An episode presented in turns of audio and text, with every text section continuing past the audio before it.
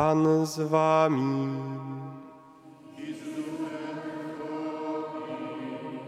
Słowa Ewangelii według świętego Mateusza.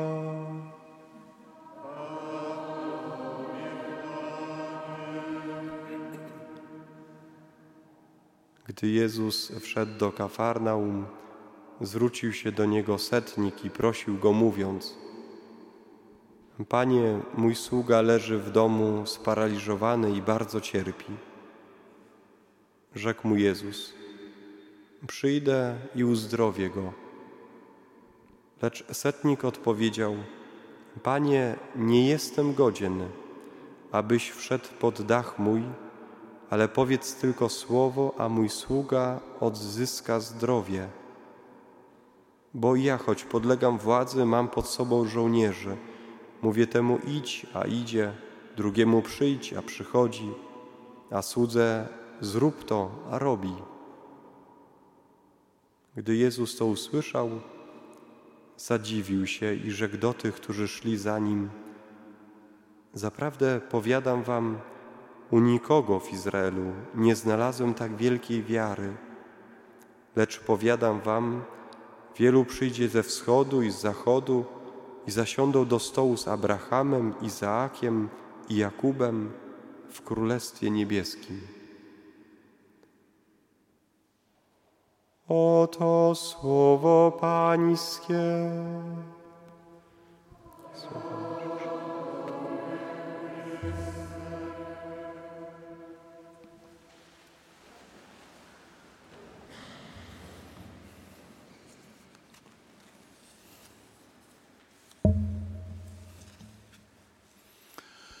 Witam Was bardzo serdecznie. Na początek muszę się przyznać, że już pierwsze rekolekcje żeście mi zrobili, ponieważ chyba przyszedłem jako za mało wierzący ksiądz dzisiaj do Was, bo jak mi ksiądz Łukasz powiedział, że będzie na górze, to mówię, tak, znowu będziemy się czuć jak na meczu tego Lecha Poznań, nie? czyli pusty stadion i, i my dwa, dwoje, dwach albo trzech w środku, ale widzę, żebyśmy się na dole nie zmieścili, więc oczywiście pierwszy dzień rekolekcyjny już wy z waszej strony zrobiliście na ok, teraz, teraz moja, moja strona i moja sprawa. Tak się zastanawiałem, co was najbardziej może pociągać do tego, żeby na te rekolekcje przyjść. Jak znam życie, to prawdopodobnie słowo bezpłatne. Ale y, ponieważ jesteśmy po Black Friday'u, więc w związku z powyższym y, to, co mieliśmy, mieliśmy wydać, już wydaliśmy, więc teraz spotykamy się na spotkaniu bezpłatnym. Ok. Nie byłem najszczęśliwszy, kiedy mi y, ksiądz Łukasz zaproponował ten temat, nie ukrywam, ponieważ y, sumienie to jest coś, co wszyscy mamy, ale nie bardzo wiemy, jak sobie z tym poradzić. Dlatego będziecie widzieć, że przez te najbliższe dni będę używał różnych protez, y, próbując pokazać, jak ono funkcjonuje i co my możemy z nim więcej zrobić. Bo znaczy ja mimo wszystko jestem prosty człowiek i mnie się wydaje tak, że jeżeli coś ma normalnie funkcjonować, to trzeba się temu przyjrzeć, jak to działa, zdiagnozować ewentualnie braki, a potem włączyć i niech działa, nie? No i tak jest z sumieniem. I próbując szukać określenia, które przybliżyłoby nas do tego, za chwilę Wam powiem, jak, gdzie mam największy problem z całym tym naszym spotkaniem, to znalazłem nowe określenie. To jest duchowe selfie. My wszyscy już mamy w tej chwili hopla na tym punkcie, że przestawiamy tą kamerę, nie wiem, piękny jestem normalnie, fik. I z każdym najlepszym tym y, urządzeniem, zabytkiem i tym muszę mieć zdjęcie, nie? No i Pan Bóg wymyślił, że mamy sobie zrobić z nim selfie. I cały dowcip polega na tym, że y, dość często jak potem na to selfie patrzymy, to mówimy, hmm, ja to tu jestem, tylko Pana Boga coś nie widać. Można się uspokajać, że On jest duchem, ale problem polega na tym, że że go nie widać. Czyli, że coś w tym urządzeniu nie do końca działa. A wiecie, gdzie mam problem? Problem mam w tym, że jestem w e, takim rozkroku, albo mówiąc bardziej poprawnie, w takiej schizofrenii. Bo z jednej strony wiem, że jak będziemy mówić o sumieniu e, e, i będziemy gwałcić Słowo Boże, bo ono o czym innym mówi, to to będzie nie tak.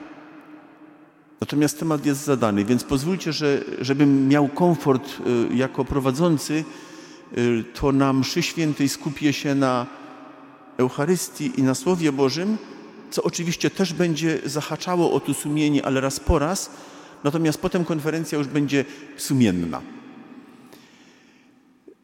Tym bardziej zależy mi na takim, takim, takiej dwudzielności, że od wczoraj zaczęliśmy trzy lata o Eucharystii. Najprawdopodobniej większość z Was nawet nie zauważyła, bo biskupi sobie to między sobą powiedzieli, tylko nam zapomnieli powiedzieć, nie? Że trzy lata mamy się zajmować Eucharystią. A wydaje mi się, że i znowu wracam do sumienia, że jeżeli ono w ogóle ma działać, to teraz będzie obrazek dla tych wszystkich, którzy są kierowcami i mają GPS-a, nie? Albo inne, e, inną nawigację. To podstawowy problem polega na tym, że trzeba włączyć do prądu albo mieć baterię. I obawiam się, że ta bateria to jest właśnie Eucharystia. Albo to włączenie do prądu. Tam wszystko może idealnie działać. Jak się nie podłączymy do Jezusa, to nic z tego nie wyjdzie. To najwyżej będę mógł być dumny, heros, który trzyma się zasad. Faryzeusze się też trzymali i wiecie do czego doszli. I dlatego, jeżeli Eucharystia ma być pożywieniem sumienia, jeżeli Eucharystia ma być y, siłą napędową naszego życia moralnego, to warto by było zapytać, jak ona wygląda w moim życiu i jak ona jest przeze mnie pojmowana. Byłem w zeszłym tygodniu na konferencji na Węgrzech i też mówiliśmy o Eucharystii. I nie cytując swoich słów, tylko świętego Jana Pawła II z tego dokumentu, który ostatnio orałem parę razy od tyłu do przodu i z powrotem, Ecclesia de Eucharistia Vivit, zacytowałem obecnym taki tekst. Tytuł już mówi o tym. Kościół żyje dzięki Eucharystii. Ale papież rozpoczyna ten dokument od stwierdzenia, Eucharystia ma wyznaczać rytm naszego dnia. To oczywiście stawia pierwsze niepokojące pytanie: to co, codziennie? A co jest jakaś inna odpowiedź? No i wkurzył się któryś z świeckich teologów, mówi: Pan sobie tego nie wyobraża, jak to ma być?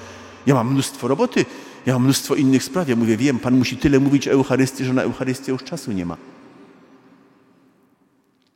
To tak jak ten robotnik w czasach socjalizmu, nie? Tak zapinkalał z pustą taczką, że w końcu ktoś mówi, chłopie, czemu nie, nie ładowujesz? No nie ma czasu ładować, takie napięte plany. Wygląda na to, że my chrześcijanie, żeśmy się tak nakręcili czasami w naszej robocie, wszystko robimy dla ludzi, my ciągle służymy. A przepraszam, a gdzie szef w tym wszystkim? Więc wróćmy do tego podstawowego pytania, czy Eucharystia wybija mi rytm dzienny, czy mi wybija rytm tygodniowy, czy nawet w tych tygodniach mnie zawsze wybija ten rytm? Tu już będzie pierwsza odpowiedź. I to będzie też pół odpowiedzi na pytanie, czy to sumienie może funkcjonować. To nie jest urządzenie, które się e, da, jak to się nazywa, wykalibrować i ono samo poleci. To jest takie urządzenie, które musi być ciągle połączone e, z centralą. Tak? Bardzo dobrze pasuje to, ten GPS samochodowy albo inny, że jak nie mam zasięgu, to nic z tego. Jak nie ma Eucharystii, to nie ma zasięgu. To mogę lecieć na mapach offline. Tylko, że wtedy każda e, przeszkoda na drodze to będzie ta przeszkoda, w którą się wpakuje. Tylko jeżeli jestem online, to jestem w stanie przewidzieć i może mnie ostrzec moja nawigacja, że tam po drodze ma przeszkody, że trzeba inną drogą pojechać, żeby nie wpaść na taką czy inną minę. A narzekanie po wszystkim to niewielki sens, nie? Przy okazji zahaczam o wyrzuty sumienia. A że Eucharystia to zawsze Słowo Boże, to nie ukrywam, że się bardzo ucieszyłem, jak y, przeczytałem sobie teksty biblijne na te najbliższe trzy dni bo moje założenie jako księdza, a już 34 lata y, próbuję Panu Bogu nieudolnie służyć, jestem przekonany co do jednego, że nie ma przypadkowego Słowa Bożego. Każde Słowo Boże jest dokładnie zadane na ten czas, w którym jest. I byście y, buzię porozdziawiali, jakbyście widzieli, jak czasami Pan Bóg łopatą ładuje kaznodziei do głowy, jak Pan Bóg powiedzmy skręca te drogi, już coś się wszystko przygotował, a On mówi, e, e, idziemy tam. To jest też to prowadzenie i sterowanie przez Pana Boga. I wiecie, co on wymyślił na te trzy dni? To jest po prostu hit, jak dla mnie. Zaczyna się od tego celnika, a my jego słowa cytujemy w czasie każdej mszy świętej. Panie, nie jestem godzien, abyś przyszedł do mnie. I no, czy my wiemy, co my mówimy przed komunią? Bo jak mówimy uczciwie, to to jest genialny punkt. Bo to mówimy tak, Panie Boże, niezależnie od tego, jaka jestem niezdara życiowa, to Ty możesz ze mnie zrobić w tej chwili świętego i możesz ze mnie zrobić swoje, swoje, swoje święte mieszkanie. I mogę ze spokojem do Niego iść. Nie napinając się, nie udając bohatera. Bo to On jest sprawcą wszystkiego. Ale jak się przyjrzeć temu celnikowi, on mnie zaskakuje o wiele wcześniej, nim powiedział te słowa. Słuchajcie, to musiał być tak wrażliwy typ, że aż trudno sobie wyobrazić. On, żołnierz rzymski, prosił o uzdrowienie swojego sługi. Coś mu się porąbało. Ale to jest to, co jest y, istotą chrześcijaństwa. Wrażliwość na, na Boga sprawdza się wrażliwości na człowieka. I kiedy on był tak wrażliwy na kogoś, kto go obsługiwał, to też był tak wrażliwy na Boga, że mówi: Przecież ja cię nie będę fatygował, Panie Boże, ty masz ważniejsze sprawy na głowie. Delikatność wobec Boga. To myśleliście kiedyś o tym, ostatnio taki wywiad gdzieś, gdzieś udzielałem, czy Pana Boga boli i czy Pan Bóg cierpi. Tak sobie próbuję wyobrazić, że za każdym razem, kiedy mu wykręcamy kolejny numer, to jak dobry ojciec cierpi. Czy ta nasza wrażliwość na Boga jest taka? Albośmy schardzieli, stwardnieli wobec Niego.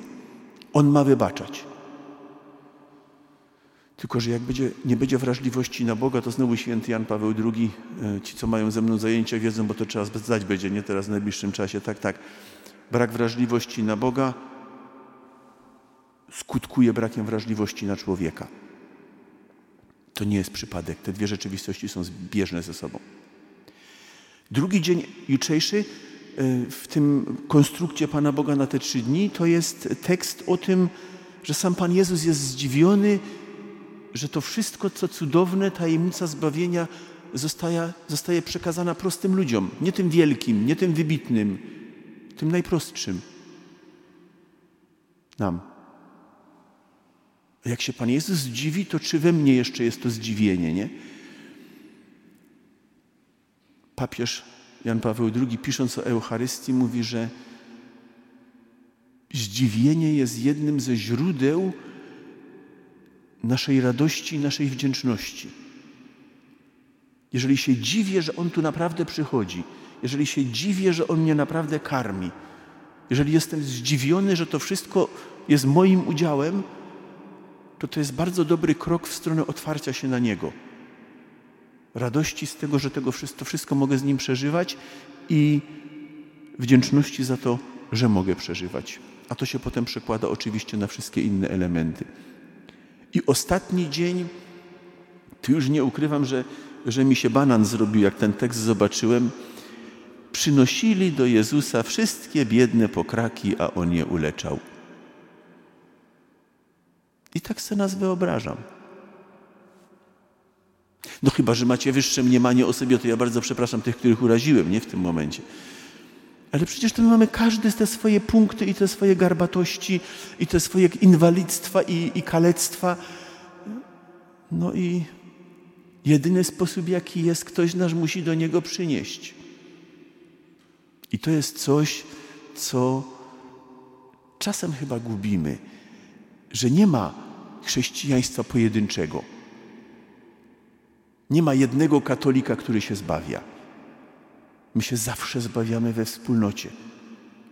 My zawsze potrzebujemy kogoś, kto nas niesie, ale my też zawsze nosimy innych. I tu się dopiero zaczyna prawdziwe chrześcijaństwo. I dlatego cieszę się, że te spotkania są tak skonstruowane, że najpierw e, jesteśmy z Jezusem, potem przeżywamy Go i przyjmujemy Go do siebie, a potem dopiero komentujemy pewne rzeczy. Bo taka jest kolej rzeczy. Jak się postawi sprawę na głowie i mądrości i wymądrzania się ludzkie będą pierwsze, to zgubimy to, co najważniejsze. Sumienie, słuchajcie, jest sanktuarium Boga we mnie.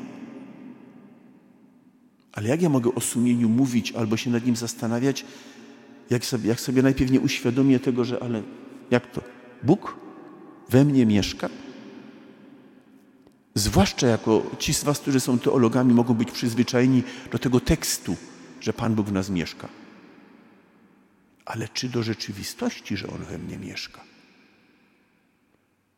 Moja wizja chrześcijaństwa jest prosta. Wszystko sprawia On. Ale to bardzo upraszcza. To bardzo upraszcza życie. Bo się nie trzeba zastanowić, tylko trzeba się dać prowadzić. W momencie, kiedy się próbuje wyrywać, to ląduje na jakimś poboczu. Jak długo daje się Jemu prowadzić, tak długo On poprowadzi skutecznie. I popatrzcie, to wcale nie zaprzecza temu, co jest najbardziej pięknego we mnie, że ja jestem wolny. Ja jestem wolny, żeby mu się dać prowadzić. Ja se to wybieram. Ale mogę powiedzieć, że ja to sam zrobię, nie? To się nazywa niedojrzałość duchowa. Małe dzieci mówią ja siama. Ale my spotykamy dorosłych, którzy dalej są na tym etapie. On się sam zbawi. I ta myśl mnie dzisiaj tak bardzo mocno uderzyła na początku. Nie wiem, co ksiądz Łukasz powiedział, bo już nie pamiętam, bo to Alzheimer się odzywa, ale od razu mi się przypomniała ta myśl papież Franciszek, który nas, że tak powiem, do bólu y, katuje w ostatnich czasach powiedzeniem uważajcie na pokusę samowystarczalności, na opętanie człowieka zachodu, który sobie wmawia albo dał sobie wmówić, że on siebie może zbawić że On siebie zabezpieczy, że On se wszystko tak przygotuje, że, że będzie żył wiecznie, nie? Bez Pana Boga. Zauważcie, że wszystkie systemy ubezpieczeniowe, nieubezpieczeniowe, na życie, nie na życie, one są być może potrzebne. Ale im bardziej się będą wysypywać, tym bardziej będzie pytanie, a masz człowieka, który się tobą zaopiekuje na przykład na starość? A masz Boga, który zaopiekuje się Tobą na wieczność? Wszystko inne to w sumie będą plewy. I dlatego kończąc, bo na razie patrzę na ten zegarek, żeby się potem nie okazało, że będziemy, dni się będą jedne zazębiać z drugimi, tak? Na rekolekcjach.